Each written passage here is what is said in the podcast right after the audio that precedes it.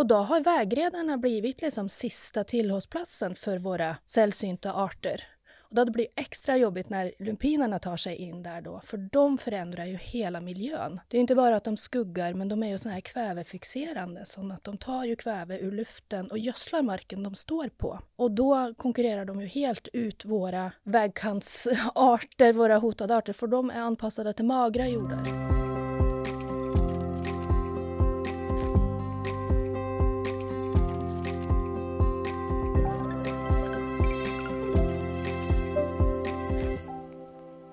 Varför kan man inte få njuta av lupinernas skönhet? Och varför är parkslide så omtalat i media när vi har värre invasiva arter i Sverige? Den som har svaret på det är Maria Widemo, enhetschef på Naturvårdsverket. Och vi som håller i trådarna är jag, Nikita Seilot och Palle Liljebäck. Det här är Naturvetarpodden. Invasiva arter är ju lite grann på alla släppar och det brukar ju framställas som ett jätteproblem för den biologiska mångfalden. Men skulle det kunna vara tvärtom? Man får hit nya arter, ökar den biologiska mångfalden? Eller är det feltänkt? Ja, om man gör ett räknestycke. Får du in en invasiv art så tar den gärna död på ett antal arter som fanns där innan. Så att det är ett minussummespel. Eh, Vi är ju ganska förskonade här uppe i Skandinavien när det gäller invasiva arter. Vi har vissa problemarter, men i varmare strök och i andra delar av världen så är det ett jätteproblem. Man säger det att ungefär i 60 procent av fallen där arter har dött ut så har det varit delvis eller helt på grund av att det har kommit in invasiva arter och utkonkurrerat eller käkat upp eller vad de nu gör för någonting. Så men Sverige är liksom inte värst drabbat utan andra länder är värre? Nej, om vi tänker eh, i Europa då som där vi har ganska bra översikt i och med att vi är med i unionen och har mycket utväxling med de andra europeiska länderna så är ju Medelhavsområdet är ju en katastrof jämfört med Sverige, om man säger så. Jättestora problem med arter och om man tittar på vilka arter som EU har valt att lista som särskilt problematiska för unionsländerna. Det är ett 80-tal arter, 88 tror jag det är uppe i, så är det ju bara ett 20-tal av dem som ens överhuvudtaget finns i Sverige. Och de flesta av dem utgör inget problem här. Men lite längre söderut i Europa, lite annat klimat, lite andra förhållanden där kan de ha jätteproblem. Hur kommer det sig att vi har invasiva arter? Om vi börjar med definitionen på invasiva arter um, så är ju invasiva främmande arter pratar vi om. Och det är ju två led i den definitionen. Invasivitet det syftar på den effekt de får på sin miljö där de kommer.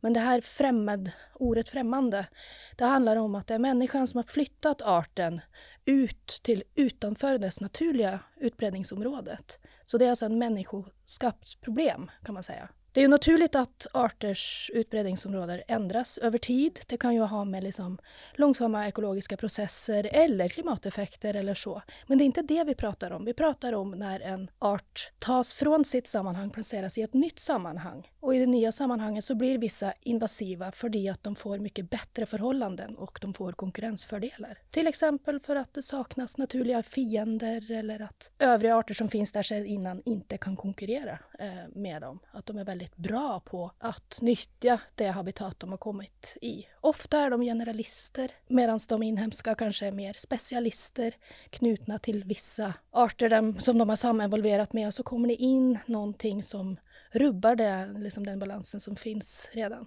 Ja, för jag har ju förstått historiskt sett så har vi ju eh, människan tagit med sig arter från upptäcktsresor. Och jag menar, det var väl tur då att tobak inte var innovativ, för hela Alingsås består av ju tobaksplanter till exempel. Eh, så det är ju någonting vi har tagit med oss historiskt sett, kanske omedvetet. Alltså vi har ju inte förstått vad vi kan skada eh, hemma. Men jag tänker om jag reser någonstans och råkar få med mig hem lite frön, kan jag liksom förstöra allt då? Om du har riktigt otur så kan du ju det. Eh, mm. men det är ju inte alla arter som blir invasiva. Men vi vill ju generellt att man låter bli att göra det. Alltså att man inte ska ta med saker som man inte vet vad är. Dessutom finns det ju saker som man inte får hålla på att flytta mellan länder. Alltså det kan ju vara utrotningshotade arter som man inte alls får lov att importera. Men även annat. Eh, det är ju en risk förbundet med det om du inte vet vad du gör för någonting. Och väldigt många av de arter som ja, om man ser till växter nu då, som vi har här i landet och som skapar problem här i landet, de är ju inte ens omedvetet hittagna, de är ju ytterst medvetet hithämtade. För Ja, du menar att det skulle kunna vara prydnadsväxter? till prydnadsväxter, exempel? precis. Vi har, ju, vi har ju en klassiker och det är ju den här, jag ska inte säga att det är min favorit, men den väcker mycket känslor. Det är ju lupinen. Midsommarblomman. Ja, men midsommarblomster brukar jag inte klassas som... Nej men jag ser den alltid ja, som det det midsommar. så, just det. Ja, Ja, den blommar exakt, inte exakt. runt Ja, jo, den, ja. den blommar ju då. Mm.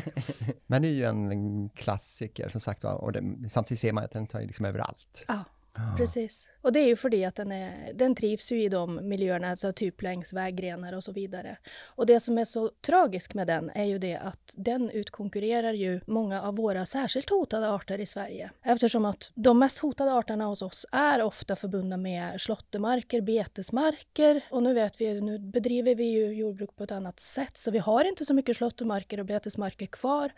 Och då har vägrenarna blivit liksom sista tillhållsplatsen för våra sällsynta arter. Och då blir det extra jobbigt när lumpinerna tar sig in där då, för de förändrar ju hela miljön. Det är inte bara att de skuggar, men de är ju så här kvävefixerande, så att de tar ju kväve ur luften och gödslar marken de står på. Och då konkurrerar de ju helt ut våra vägkantsarter, våra hotade arter, för de är anpassade till magra jordar. Var kommer de ifrån? Alltså var, är de, var bor de egentligen? Ja, är det någon som är vet det? För jag, ja, för jag har alltid tänkt Ja. att den är svensk. Nej, den är inte svensk, Nej. den är importerad. Den är amerikansk, så den kommer från ett helt annat kontinent. Oj. Vet du när den kom till Sverige? Den har varit här ganska länge. Om vi tänker tillbaka till när vi var små eh, så fanns den ju lite här och var i vägrenarna. Om du kör genom Värmland idag på väg till Norge så är det mil efter mil efter mil längs vägarna som är helt täckta. Och de går in i ja, betesmarker, gamla slåtterängar, gräsmarkerna även utanför. Och det finns ju inte en Astrid Lindgren-film utan lupiner i, kan jag ju säga. Apropå ingenting. Och när jag menade det här med omedvetet, alltså historiskt sett, jag tror, alltså det var inte att man inte omedvetet tog med sig in plantor, det gjorde man ju för det var ju så vi höll på. Men jag menar så här, man kanske inte förstod, var medveten om riskerna man tog när man tog in plantor. Nej men så är det ju. Mm. Och om vi tittar på, vi har, har ju gjort analyser om vad som är de vanliga, vanligaste spridningsvägarna, inom vilka branscher händer det att man orsakar eh, utsläpp av invasiva arter och så vidare, så är ju förstås trädgårdsnäringen är ju den som har bidragit mest till eh, växterna då. Men samtidigt så vill jag absolut säga att de har ju också varit väldigt duktiga på att uppmärksamma det här, så det finns ju en medvetenhet där idag. Men det vi ser nu är ju resultat av så kallade, vad ska man säga, gamla synder. Innan man kom på att oj då, det här var inte så bra. Och det som är lite häftigt med de invasiva växterna, eller det som jag tyckte var en lite sån här aha-upplevelse, det var ju när jag insåg att varför har vi importerat just de här arterna? Jo, för det första förstås för att de är vackra, eh, så. men det är också för att de är lättskötta, lättodlade, eh, kraftfulla, kraftfullt växtsätt och så vidare. Det är ju väldigt praktiskt när man har trädgård. Ja, just det, precis, de är lätta att odla. De är lätta att odla. Och svåra att bli av med. Parkslide. Ja, Den går ju att titta är på ju- när den växer. precis. Den växer enormt kraftfullt. Och det är ju de här egenskaperna som vi gillar när vi har dem i trädgården. Men det är ju de egenskaperna som gör dem till ett hot mot biologisk mångfald när de rymmer ifrån trädgården. För det gör de ju lätt. Så det är ju liksom det här andra sidan av myntet som är det som orsakar problem. Jag, jag tänker nu när vi ändå kommer in på parkslide. Eh, man brukar säga det att eh, har man en gång fått in den i trädgården så blir man inte av med den. Den kan till och med ta sig in genom husgrunder och, eh, jag ska inte säga ödelägga huset, men... Nästintill. Ja, för- nära på, ja. nära på faktiskt. Jo, men det Är det, fin- till att börja med, är det, är det sant att det är så? Det, det, kan, det har ju hänt förstås. Alltså, den har väldigt kraftfulla rötter så att den kan ju sprängas. Det kan ju andra arter också. Det har man ju sett liksom, när rötter kommer upp genom asfalten och det kan ju vara trärötter och annat. Men parkslide är väldigt, eh, ja, växer väldigt fort och har väldigt kraftfulla rötter och kan skada infrastruktur, rör, nergrävda rör, ta sig in i och så vidare. Sen så måste jag ju säga att det har ju blivit en väldigt stor grej i media kring just parkslide och den kanske inte är det största problemet vi har i Sverige som helhet då. Men det blir väldigt jobbigt för den enskilde förstås. Hur blir man av med den? Om det nu finns någon knep? Det Det finns går giftiga knep. Ja, eh, fast det är inte alltid att gift är det bästa heller faktiskt. Och inte bara för att gift tar död på annat, men för att det är inte alltid lika effektivt mot parkslide. Det är lite Den finurligt. överlever det också. Ja, man ska i alla fall göra på rätt sätt. Mm. Och sen så är ju inte gift tillgängligt längre för någon Amatörodlare. var och en. Nej, Nej, nej. precis. Ehm, och det är ju bra för det att det tar ju död på så mycket annat. Men Mm. genom att utarma envetet över flera år så är det inte omöjligt. När vi vägleder och, och försöker beskriva vad man kan göra så har vi hela tiden lite den här brasklappen så här, ge dig inte på det om du inte vet vad du ger dig in i. Mm. För att om du avbryter, om du börjar ge dig på en parkslide som står och har stått ganska likadant ganska länge då kan du trigga växten, att den börjar sätta rotskott eh, och så vidare, så att du kan egentligen förvärra situationen. Men om du går all in och jobbar med den envetet över lång tid så finns det en möjlighet. Och det, vi har flera forskningsprojekt och det pågår en massa experiment runt omkring på olika sätt att försöka bli av med just den. Då. Men du sa att det inte var det största problemet vi har i Sverige? Nej, men jag tänker parkslide, det är svårt att liksom väga olika värden mot varandra, men jag tror ju att lupin, kanadensisk gullris, eh, jättebalsamin, det täcker mycket större ytor än vad parkslide gör. Parkslide står dessutom ofta i liksom här, det är ju stadsnära natur som också är värdefull men kanske lite mer uderatmarker och så vidare. Så att det kanske inte är den som mest hotar biologisk mångfald, för det är ju det vi är mest bekymrade för. Det finns väl inte bara växter, det finns väl också insekter? Har vi några sådana? Ja, vi har inte några listade insekter eh, då om att vi liksom sorterar i de här olagliga och listade arterna mm. och, eh, och andra som kan vara ett problem. Så har vi inga listade, EU-listade arter i Sverige ännu. Det finns en, eh, en sammetsgeting från Asien som är ett rovdjur och som ger sig på bikuper och käkar upp Eh, honungsbin eh, bland annat och som skapar ganska stor förödelse dit den kommer. Den finns i Tyskland, Nederländerna tror jag och Storbritannien också men vi har inte hittat den i Sverige ännu. Det kommer in en del rapporter varje år, varje sommar att nu har vi en sammetsgeting här men det har alltid visat sig att det är vår egen bålgeting som man blandar ihop den med. Okay. Och den är ju inhemskt eh, och den har inte samma levnadssätt om vi flyttar oss uppåt lite grann i näringskedjorna då, på djursidan. Mm. Vi har till exempel mårdhunden, mm. framförallt uppåt Norrland. Va? Mm. mm. Finns det andra djur? Ja, eh, dels, eh, ett av de djuren som vi ser som det största problemet i Sverige är ju inte EU-listad och det är ju den amerikanska minken. Alltså vår, den minken som finns här, det är ju en amerikansk art som för länge sedan har rymt ifrån minkfarmar och etablerat sig i svensk natur. Så den gör ju ganska stor skada, eh, framförallt kustnära strök, eh, på öar och holmar, markhäckande fåglar, där kan den göra ganska stor skada. Så, så den har vi ju jobbat aktivt med i ganska många år i Sverige också, delvis inom det som vi kallar åtgärdsprogram för hotade arter, där man tar fram en handlingsplan för hur man ska jobba för att eh, gynna vissa sällsynta arter. Och då tänker jag särskilt på program kring skrääntärna som häckar längs kusten, där just minkutrotning har varit en del av åtgärderna. Så det har man hållit på med ganska länge. Är det besvärligt att utrota minken? Ja, delvis. Um, vi har ju ett projekt eh, som har ett uppdrag. De kallas för Mårdhundsprojektet på Jägarförbundet nu. De har bytt namn till Invasiva arter-projektet för det att de har fått ett utvidgat uppdrag nu och ska ta alla eh, djurarter på land, eh, inklusive mink då om vi nu får listat den. Men de har också gjort några punktinsatser mot mink i särskilt värdefulla områden där den har gjort stor skada på eh, ja, markhäckande fåglar framför allt. Så det är återigen människan som har tagit hit minken? Mm, det är det. Men jag tänker också alla som har de här konstiga husdjuren hemma. Alltså vad skulle hända om, man, om en sån här, vad heter de där, anakonda, uh, ja, anakonda om den hade ramlat ut. Nej men de här spindlarna till exempel som alla har, vad heter det, fjärilspindlar? Alltså Fågelspindlar, kan, fågel, de Ja men mm. precis. Om den hade sprungit iväg, eller behöver den en partner? Ja, för det första så, ett djur eh, bildar ju inte en koloni om inte det är ett ganska ovanligt djur. Eh, Vandrande pinne kan ju föröka sig själv. Vandrande, precis. Och, så det finns ju sådana organismer också. Men det är klart, en svala gör ingen sommar, eh, men två kan göra barn. Mm. Och de flesta utav de som vi har som sällskapsdjur eh, då, de skulle nog inte klara sig så bra i svensk natur. De skulle inte överleva vintern. Eh, och det är ju det också vi har sagt kring, eh, det var ju en orm som listades här nu senast, det har varit en uppdatering av listan i EU och där vi, vi tror nog egentligen inte att den kan klara sig särskilt bra, i alla fall inte mellersta norra Sverige, att den kan överleva en vinter. Men där kommer, kommer vi tillbaka till det där med att vi är ju medlemsstat i EU, det finns EU-gemensamma regler och därför så blir den förbjuden att ha här. Men man har ju också då inrättat övergångsregler för om du redan hade den här ormen som husdjur när förbudet infördes, när den listades, då får du ju ha kvar det djuret tills det dör. Men du får inte avla på det, du får inte sälja, ge bort, okay. liksom, låta dem föröka sig. Men väldigt Så. svårt att ha koll på det dock om någon har den i sin lilla källare höll jag på att ja. säga. Att de inte förökar sig. Men du sa också det här med klimat. Alltså jag tänker klimatförändringarna måste ju också ha ett finger med i spelet här.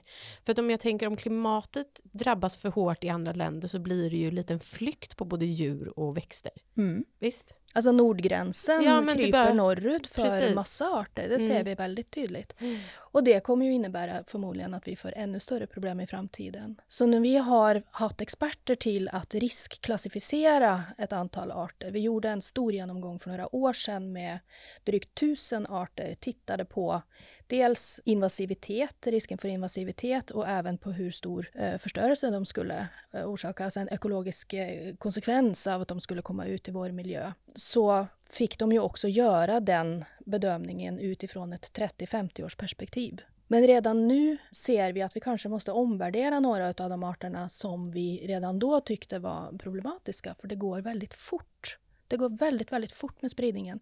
Och det är inte så ovanligt just i det här när en art kommer till ett nytt ställe så kanske den för en ganska tynande tillvaro i början men sen så kommer den över någon slags tröskel, blir tillräckligt många och så kanske det blir lite varmare klimat eller du får någon till faktor eller vektor som kan underlätta för den här och då plötsligt exploderar det. Och speciellt om de kanske livnär sig på lupiner. Ja, då skulle de verkligen... Ja, då är det då liksom är kört för vår fauna. ja, men man kan, man då har jag till slut har bara två arter kvar. Ja, ja, precis. Men jag tänker på, eh, skulle det kunna vara ett hot även mot matproduktionen? Kanske framförallt nere i Europa? Absolut. Jag menar, vissa arter breder ju ut sig och kväver allting runt omkring sig och kan ta sig in i, i åkermark och så vidare. Men då jobbar vi ju, alltså jordbrukare jobbar ju för att ta bort ogräs. Vi bekämpar ju ogräs. Ogräs är ju kanske, även om de är inhemska, så är det ju lite samma problematik som när att man får in främmande arter. Men vi ser ju också i, i sjöar till exempel, om att du får de här eh, vattenlevande växterna som lägger sig som mattor och dödar allting under sig och det blir syrefria bottnar. Det går ju ut över fiskbestånd till exempel.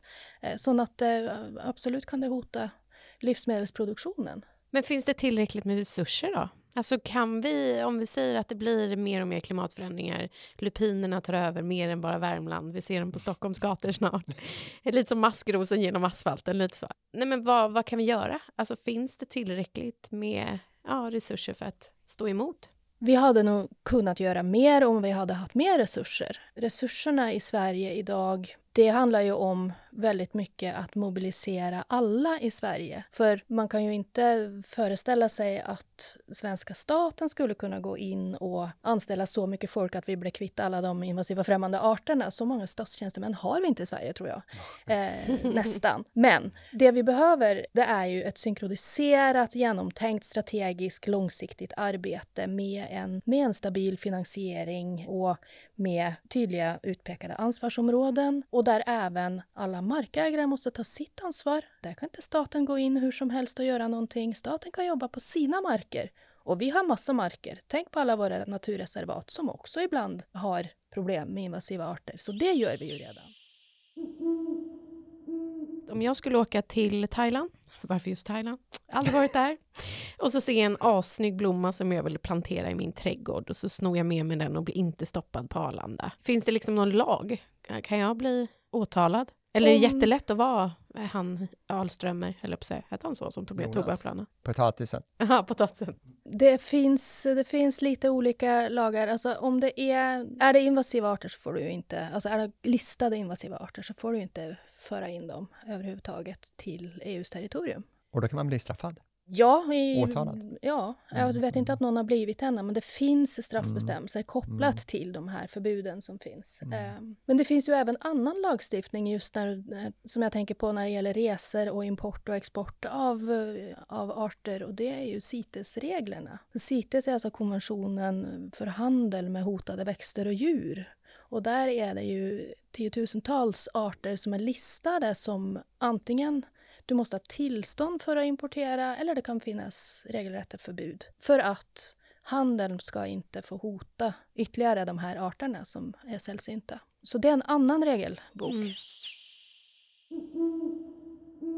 Mårdhunden som ju anses vara fruktad och kanske inte minst, jag menar, skulle den sprida sig i skogarna här så kan man inte plocka bär längre. De sprider ju dvärgbandmask, heter den Dvärgbandmask, ja. ja. Men det är inte bara mårdhunden som sprider den, det gör våra egna rävar också. Ja, så den också. finns ju okay. redan. Eh, men inte särskilt mycket ännu. Nej. Ja, alltså största hotet från mårdhunden det är väl lite på samma sätt som med minken, att den går väldigt hårt åt marklevande, okay, okay. markhäckande fåglar och groddjur, icke minst. Och den trivs ju i fuktiga miljöer mm, och sånt. Mm. Vi har ju ett antal groddjur som är klassade som hotade och skulle vi få in mårdhund så kan det ju bli bye-bye till dem. Och Jägarförbundet är ju eh, väldigt eh, måna om att eh, utrota de här. Ja, och de gör ett jättebra jobb. Mm. De har jobbat med det i 15 år. Det började ju som ett projekt och sen så har det varit sån här EU-finansierad LIFE-projekt under en period, men de senaste åren så är det ju vi som har finansierat deras arbete.